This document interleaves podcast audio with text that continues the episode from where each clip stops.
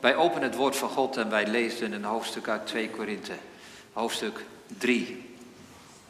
Twee maanden geleden heb ik, uh, toen ik hier preekte, ook over dit hoofdstuk, uit dit hoofdstuk gepreekt. Toen was de tekst vers 6. Ik wil nu uh, de tweede helft van dit hoofdstuk aan de orde stellen over de betekenis van de wet. Maar wij lezen dit hoofdstuk dus nogmaals en laten we het in zijn geheel lezen. 2 Korinthe 3, vers 1 tot en met 18.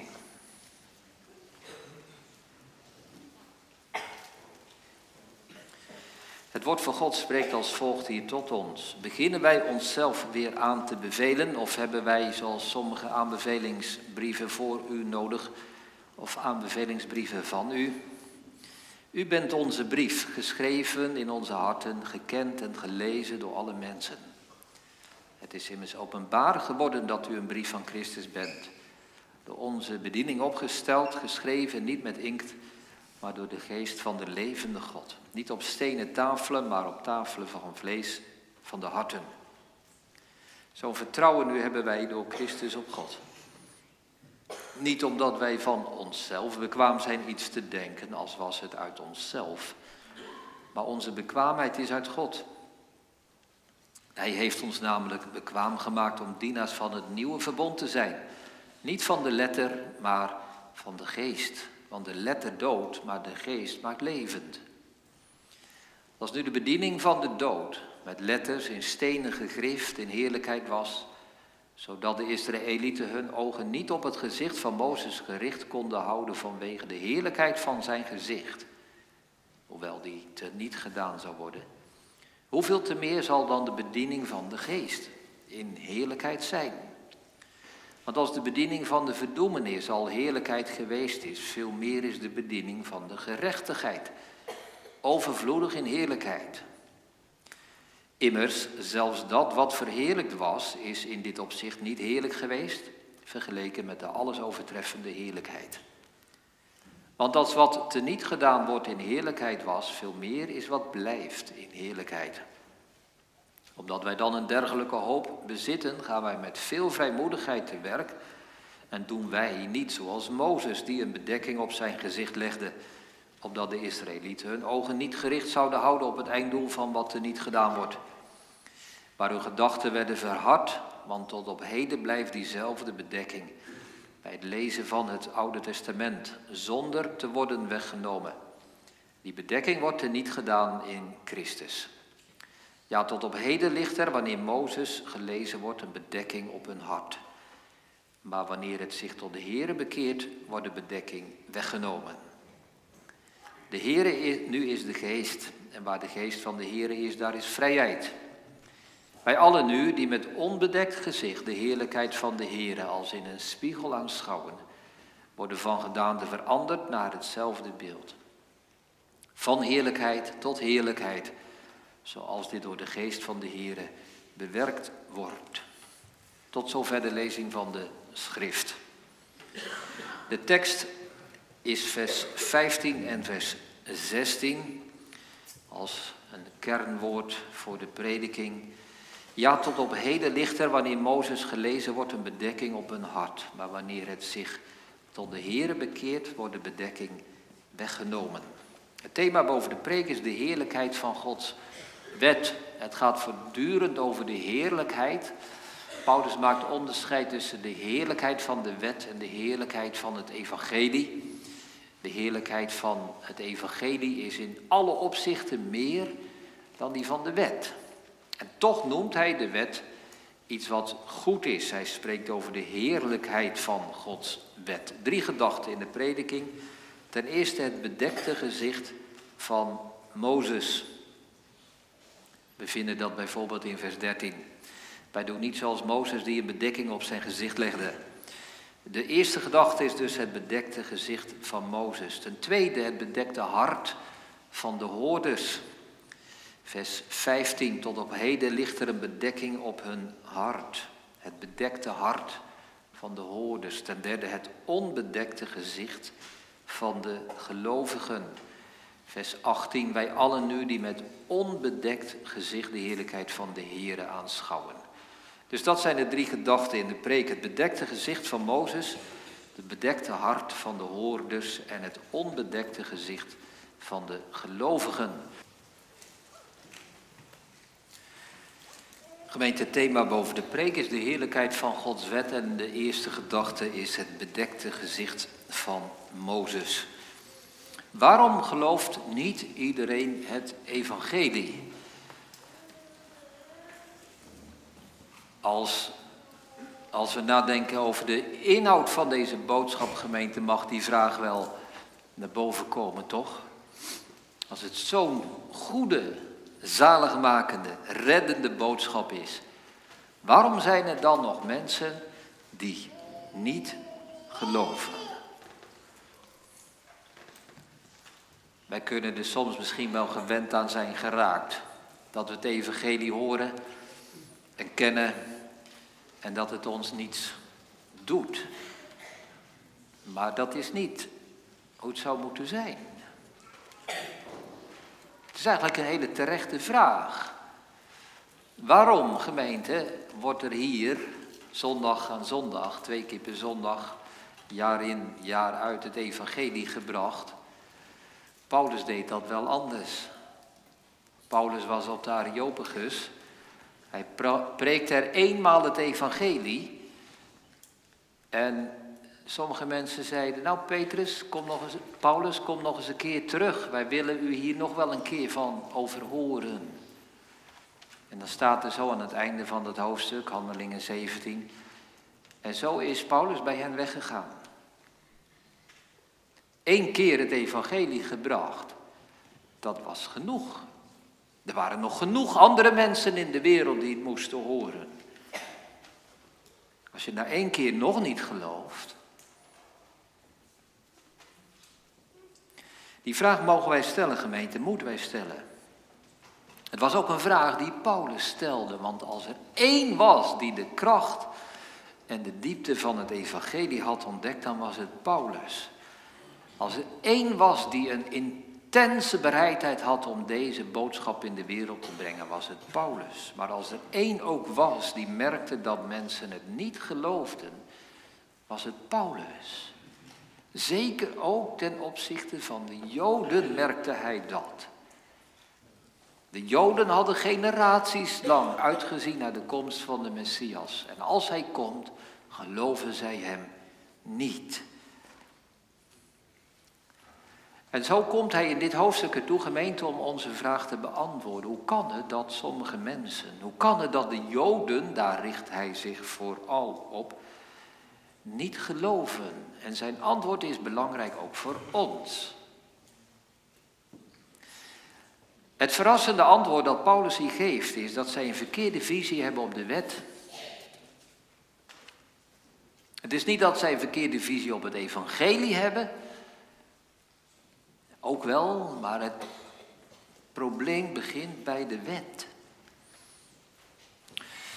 Twee maanden geleden hebben we het eerste gedeelte van, gedeelte van dit hoofdstuk overdacht vanuit vers 6. Ik wil nu vooral op het tweede gedeelte ingaan, waarin hij bespreekt hoe Mozes een bedekking op zijn gezicht legde. En Mozes verwijst daar, Paulus verwijst daarvoor naar Exodus hoofdstuk 34, in Exodus 34, is het hoofdstuk, dat is het hoofdstuk waarin God de wet aan Israël geeft, de stenen tafelen geeft.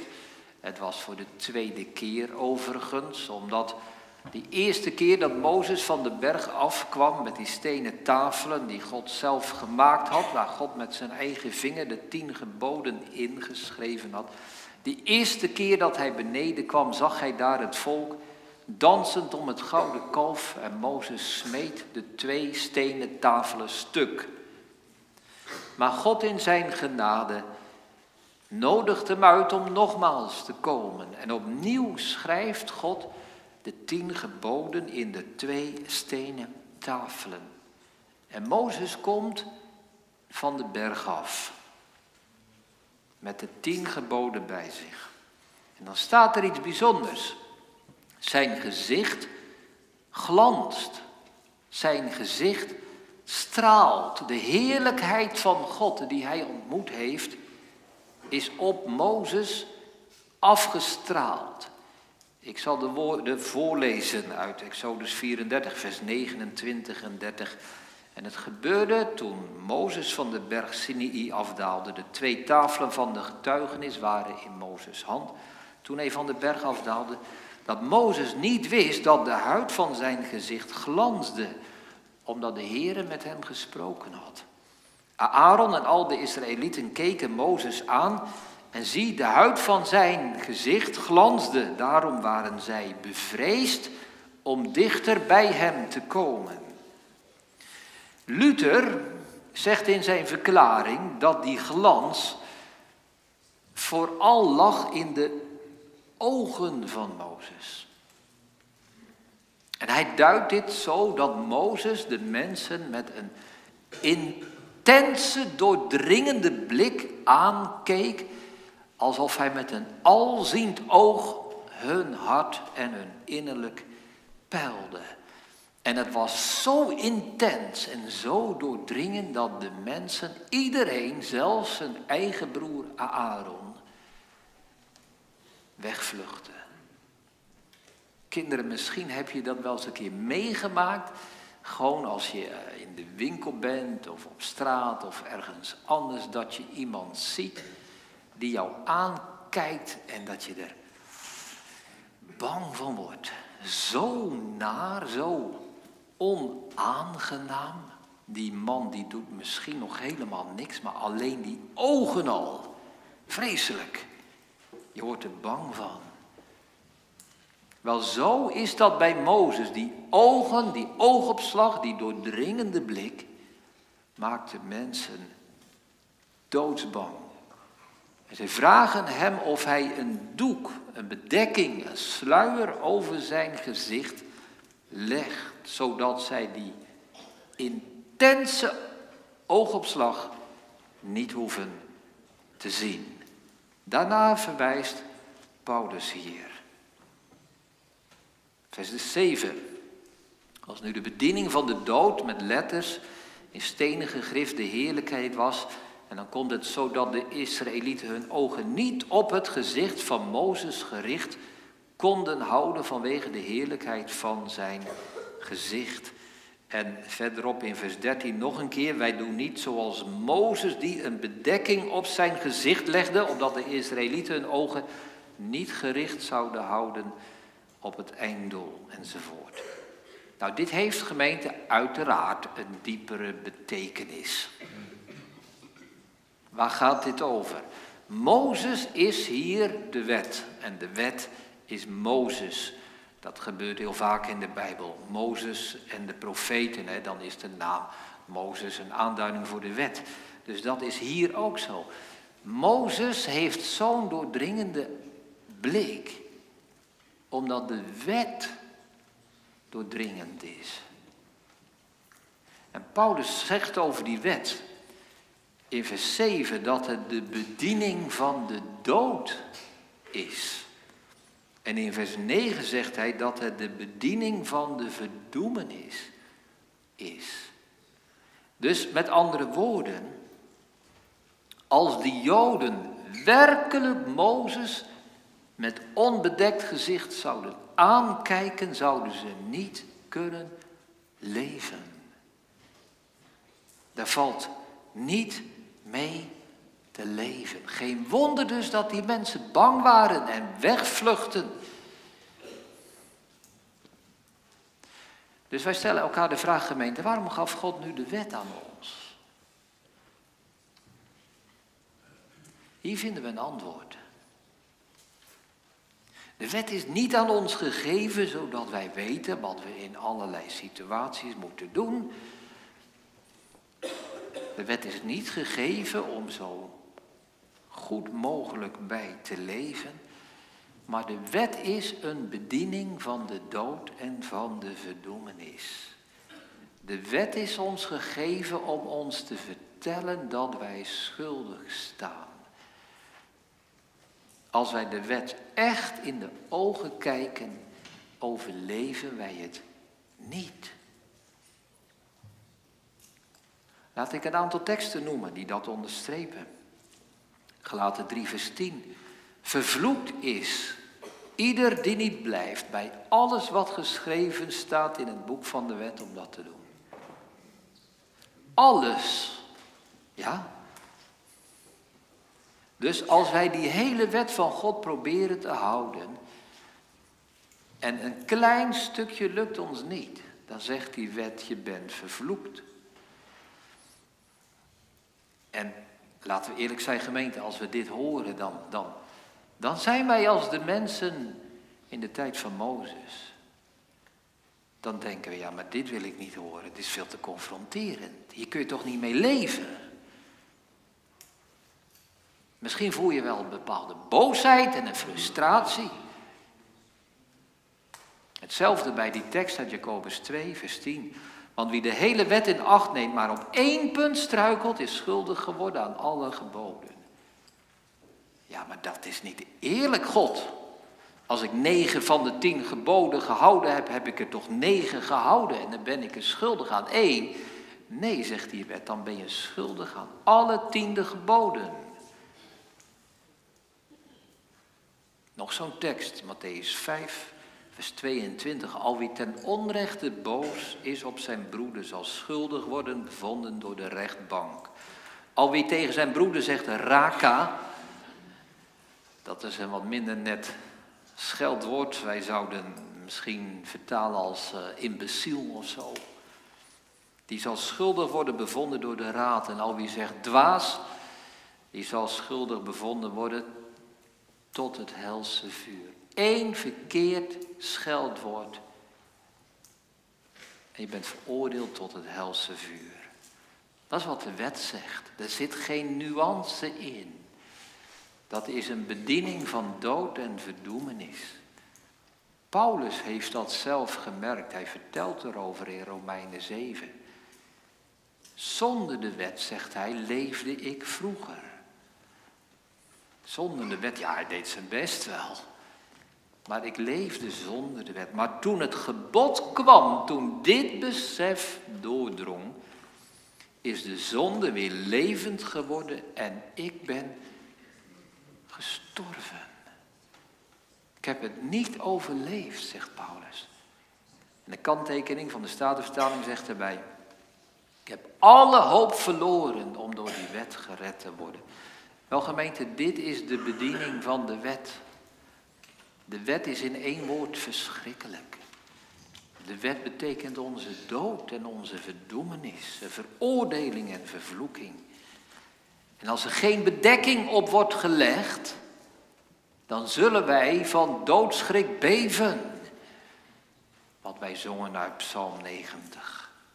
Het onrecht dat we in het openbaar bedreven en het kwaad door ons in het heimelijk verricht wordt in het licht gesteld van het goddelijke aangezicht. Dat is de wet. En daarom gemeente begrijpelijk dat de Joden zeiden, wij willen Mozes zo niet aanzien, want wij kunnen er niet mee leven. En God staat er toe dat hij een bedekking op zijn gezicht legt. Laten we naar onze tweede gedachte gaan. Het bedekte hart van de hoorders. Dus Paulus gebruikt die beeldspraak van die bedekking, van die sluier, van dat doek. Maar hij, hij verschuift die beeldspraak gaandeweg iets. Kijk maar in vers 15. Tot op heden ligt er, wanneer Mozes gelezen wordt, een bedekking op hun hart. Dus hij houdt het beeld van de bedekking vast. Maar nu zegt hij niet dat die bedekking op het gezicht van Mozes ligt, maar op het hart van de hoorders, van die Joodse hoorders, elke keer als zij Mozes horen lezen. En wij hebben Mozes ook horen lezen vanmorgen.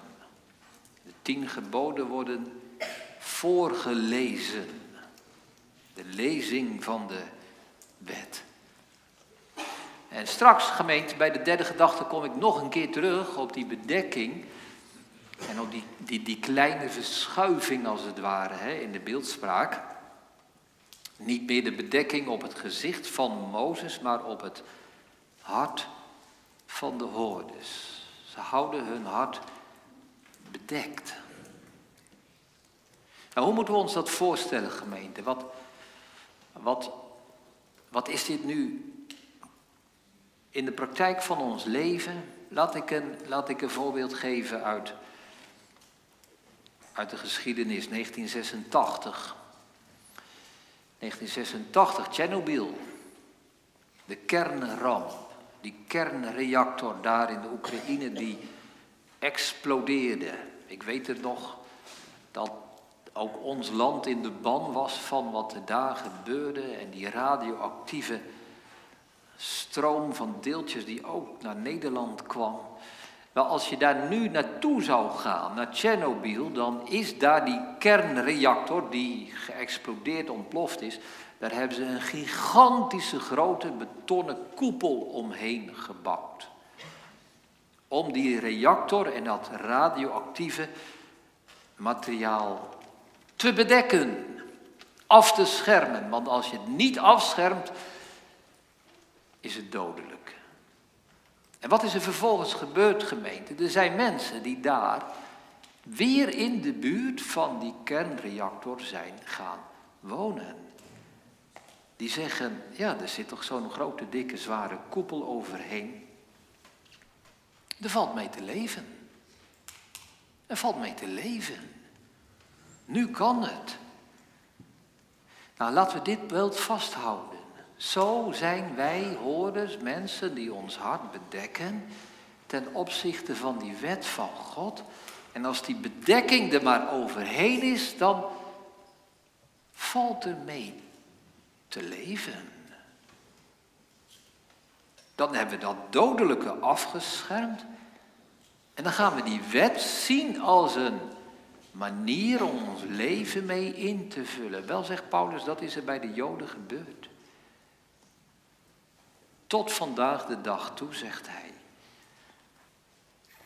En zo kan dat bij ons gebeuren. Als wij de wet van God zien als een, ja, als een, als een manier waarop ik probeer zo goed mogelijk te leven. Ik wil me aan de Bijbel houden, ik wil God dienen, ik doe mijn best. En ik, ja, ja, ik, ik slaag daar natuurlijk niet volledig in, maar ik bid om genade en ik bid om de hulp van God, zodat Hij mij toch helpt om die wet zo goed mogelijk te houden. Kijk gemeente, hier hebben we twee manieren om met de wet om te gaan. In het ene geval is de wet bedekt, in het andere geval is de wet niet bedekt. Als die wet niet bedekt is, valt er niet mee te leven, want die alles doordringende oogopslag van Mozes, die doodt ons. Wij beseffen dat het een bediening van de dood en van de verdoemenis is. Maar als de wet bedekt is, dan is het allemaal goed te doen. De wet is onze vriend geworden, is onze hulp geworden, is een richtlijn voor ons christelijke leven. En we houden ons aan de wet van God. Er valt mee te leven. Het geeft mij helderheid in mijn leven. En die angst van de mensen bij Mozes, die ben ik kwijt. Het geeft mij structuur zonder die verschrikking. Het geeft mij regelmaat in mijn leven zonder dood en verdoemenis. Ja, dan hebben we ons hart bedekt. Dan hebben we ons hart bedekt. We proberen christelijk te zijn.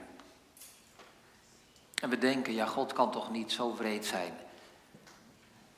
dat hij mij naar de hel zou sturen. Kan toch niet waar zijn dat God zich houdt aan die teksten? Gelaten 3, Jacobus 2, Matthäus 5, Romeinen 7. Weet u nog de vraag die we aan het begin hebben gesteld? Hoe kan het dat er mensen zijn die het evangelie horen en niet geloven? Hoe kan het toch dat u, dat jij in de kerk zit wellicht, en nog nooit tot geloof gekomen bent? Nou, hier vinden we het antwoord. Misschien denk je wel, ja, maar ik doe toch mijn best, ik ben er elke keer en ik, ik probeer die wet van God te houden en mijn, daar, mijn leven daar naar in te richten. Ik vraag er al zo lang op, ik raak ontmoedigd, ik ben verbitterd. Ik doe mijn best, maar God doet maar niets. Nou, wat is er mis, gemeente? Hier is het antwoord dat Paulus geeft. Er ligt een bedekking op je hart. Er ligt een bedekking op uw hart. U kunt het nog zo goed uithouden. Er valt mee te leven. Je schermt jezelf af tegen die blik van Mozes. En je erkent niet wat de wet werkelijk is, namelijk een bediening van verdoemenis. Dus waarom bent u, waarom ben jij nog niet tot geloof gekomen? Als, je, als dat voor jou of voor u geldt. Ligt dat aan God? Nee, dat ligt niet aan God. Ligt dat aan het evangelie?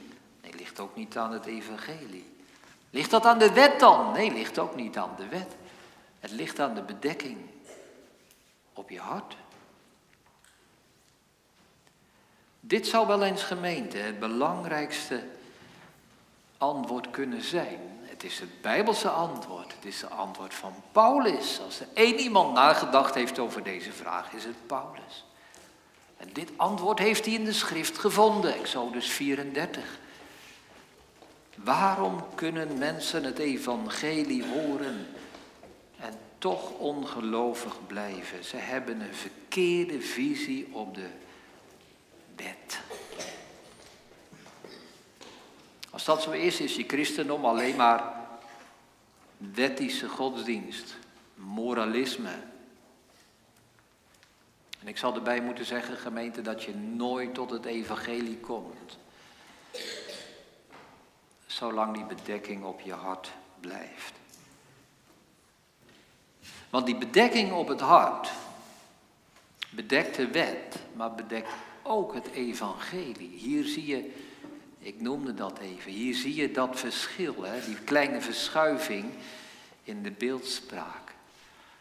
Als de bedekking ligt op het gezicht van Mozes, dan kunnen wij het gezicht van Mozes niet zien. Maar als die bedekking op ons eigen hart ligt, dus kinderen, als ik een voorbeeld neem, hier ligt een psalmboek. Stel dat er, ehm, als ik deze erbij pak, als ik deze hier opleg, dan is die bedekt. En dan kun je dit boek niet meer zien. Ik kan alles zien, maar dit boek niet. Maar als er een bedekking voor mijn gezicht is, dan kan ik niks meer zien. Als er een bedekking op mijn hart is, kan ik de wet niet meer zien, maar ook niet het evangelie. En daarom zegt Paulus hier in dit vers, die bedekking ligt op ons hart. Niet alleen de wet is voor ons bedekt, maar ook het evangelie. Anders gezegd, gemeente, als wij geen oog hebben voor de radicale wet, hebben wij ook geen oog voor de radicale genade. Als wij de wet niet willen zien als een bediening van dood en verdoemenis, zullen wij het evangelie niet zien als een bediening van leven en van rechtvaardigheid, zoals Paulus dat hier in dit hoofdstuk noemt. En daarom moet die bedekking van ons hart verdwijnen. Daarom moet die bedekking bij ons eraf. Zo komen bij onze derde gedachte, het onbedekte gezicht van de gelovige. Wat dan, zegt iemand, wat moet er gebeuren dan? Ja, die bedekking moet weg. Die bedekking moet er vanaf. Moet ik die bedekking van mijn hart halen, zegt iemand. Moet ik die wet van God gaan zien zoals de wet van God is? Moet ik Mozes aankijken en moet hij mij aankijken met zijn alles doordringende oogopslag, met zijn dodende blik. Ik durf dat niet, zegt iemand. Ik, ik snap die mensen, ik vlucht weg. Ik kan dat niet gaan doen. Nou, gelukkig gemeente staat dat ook niet in dit hoofdstuk. De vraag is niet dat wij nu vanmorgen de bedekking van ons hart zien weg te krijgen en de wet gaan zien zoals die is. Want dan vallen we terug in die doodsangst en in die schrik. En dat overleven wij niet. Nee, er is wat anders gaande. Die bedekking die verdwijnt, vers 16. Maar wanneer het zich tot de Heere bekeert, wordt de bedekking weggenomen. Dat is een prachtig vers. Wanneer het volk van de Joden, en dat geldt ook voor ons, wanneer het zich tot de Heere, tot de Heere Jezus bekeert, dan wordt de bedekking weggenomen. En zo komt Paulus uit bij dat evangelie. Het onbedekte gezicht van de gelovige is onze derde gedachte. Dat zegt hij immers in vers 18. Wij allen nu die met onbedekt gezicht de heerlijkheid van de Here aanschouwen. Daar moeten we beginnen gemeente. Ik ga niemand vanmorgen oproepen om die bedekking van je hart te verwijderen en om de wet van God aan te zien zonder bedekking. Want wij overleven het niet. Dat is ook niet wat Paulus hier zegt. Waartoe hij ons oproept, gemeente, is om met onbedekt gezicht de Heere Jezus te zien. En dan zien we het verschil tussen Mozes en Jezus. Mozes legde een bedekking op zijn gezicht, omdat het anders dodelijk was. Maar dat doet de Heer Jezus niet. En dat hoeft bij het evangelie niet te gebeuren. Wij hebben geen bedekt evangelie, dat is nergens voor nodig. Niemand van ons gemeente die de Heer Jezus in de ogen kijkt, zal bang worden. Wij zongen uit Psalm 25, milde handen, vriendelijke ogen zijn bij Hem van eeuwigheid. En daarom is de oproep van dit gedeelte om allereerst die heerlijkheid van de Heere te zien.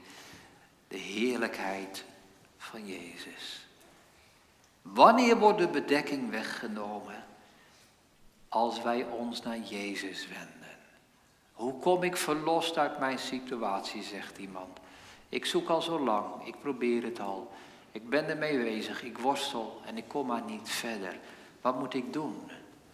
Ik heb geen goed zicht op de wet, ik heb geen goed zicht op het evangelie. Nee, dat klopt. Wat moet je doen? Bekeer je tot de Heer. Wend je naar Jezus. Kijk Jezus in de ogen. Milde handen, vriendelijke ogen zijn bij Hem van eeuwigheid. En daarom gemeente preek ik uiteindelijk allereerst het evangelie. De preek gaat over de wet, maar het eerste wat ik wil zeggen is het evangelie. Als wij Jezus zien, gaat die bedekking van ons hart weg. En daarom moeten wij ons op Hem richten. Vers 13. Wij doen niet zoals Mozes die een bedekking op zijn gezicht legde.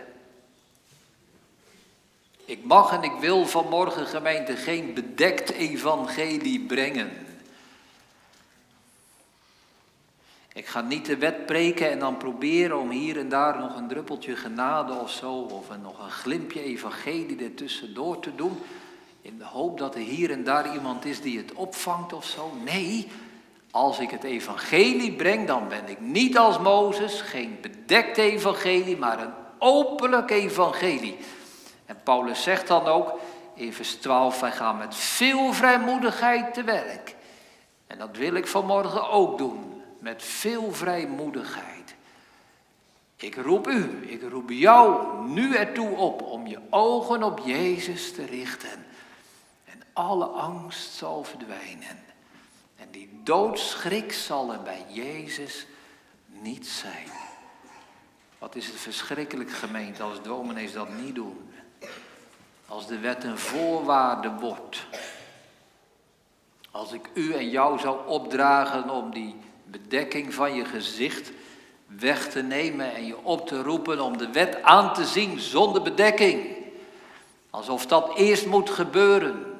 Het wordt je dood, je redt het niet. Zo iemand is geen dienaar van Christus, maar een dienaar van Mozes.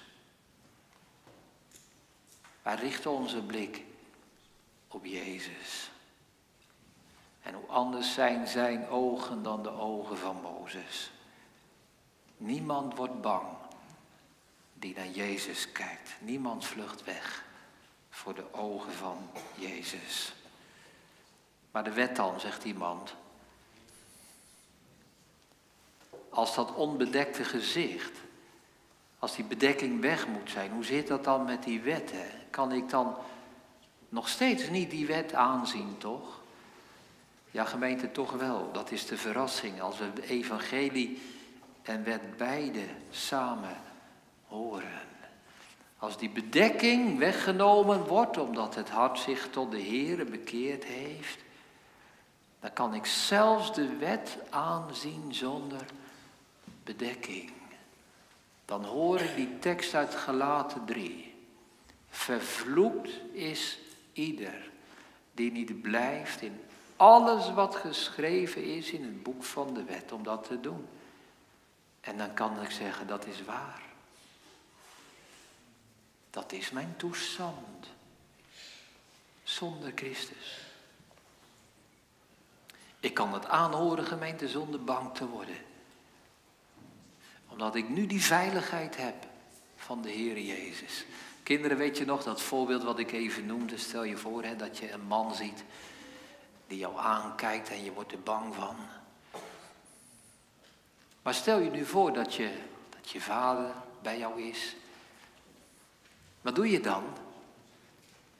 Dan kijk je even omhoog naar de ogen van je vader. En dan kijk je hem in de ogen. En dan zie je de vriendelijke en de helpende, de liefdevolle ogen van je vader. En dan denk je, hij is bij mij. En als je dan weer naar die man kijkt met die vreselijke ogen, hoef je niet meer bang te zijn. Je kunt hem aanzien, omdat je de ogen van je eigen vader hebt gezien. Kijk gemeente, dat is het leven van de gelovigen. Wij mogen de wet zien. Wij kunnen de wet in de ogen zien, onbedekt. Wij kunnen de vloek van de wet accepteren. En wij kunnen zeggen, als ik één van de geboden niet gehouden heb, ben ik schuldig aan allemaal. Het is waar. Maar ik ben voor mijn zaligheid niet van de wet afhankelijk. Want ik heb de ogen van Jezus gezien. En daarom laten wij vanmorgen gemeente hier bij elkaar zijn. En laten wij eerlijk erkennen dat die wet ons dood. Ga je zonde niet goed praten. Ga niet zeggen, ik doe toch mijn best. Ga niet zeggen, ik heb toch wel negen van de tien geboden ongeveer gehouden en die ene, dat is me niet helemaal gelukt. Dat is zo vermoeiend. Dat is zo deprimerend. Accepteer die wet. Accepteer die wet zonder die bedekking op je gezicht en zeg het ja. Die oogopslag van Mozes, die doordringt mij. En toch, ik kan het aanvaarden zonder doodsangst, zonder weg te vluchten. Omdat ik met onbedekt gezicht het aangezicht van Jezus heb gezien. En Paulus zegt het tegen alle gelovigen, verzachting, bij allen nu. Bij allen nu. Die met onbedekt gezicht de heerlijkheid van de Heer aanschouwen. Al is er maar een klein beetje geloof in je hart. Als er maar een klein beetje geloof is dat zich op de Heer Jezus gericht, op de Heer Jezus richt, is deze preek ook voor u en ook voor jou. Er is geen onderscheid tussen gelovigen. Alle gelovigen hebben deze ruimte en deze vrijheid. Laten we gaan afronden, gemeente. Wie van ons niet erkent dat hij een verschrikkelijke zondaar is, heeft nog nooit naar de wet geluisterd. Maar wie bang en onrustig zometeen de kerk uitgaat, heeft nog nooit het gezicht van Jezus gezien. Als wij Hem zien, verdwijnt de angst. Kijk Hem aan. Zie zijn ogen. En dank Hem dat Hij die dood en die verdoemenis heeft weggenomen. En in plaats daarvan een bediening van leven en gerechtigheid gegeven heeft. Laten we naar huis gaan. met onbedekt gezicht. Een radicaal besef van de wet, maar ook een radicaal besef van het evangelie. En we danken Jezus voor zijn onbedekte gezicht, voor zijn milde handen en vriendelijke ogen. Amen.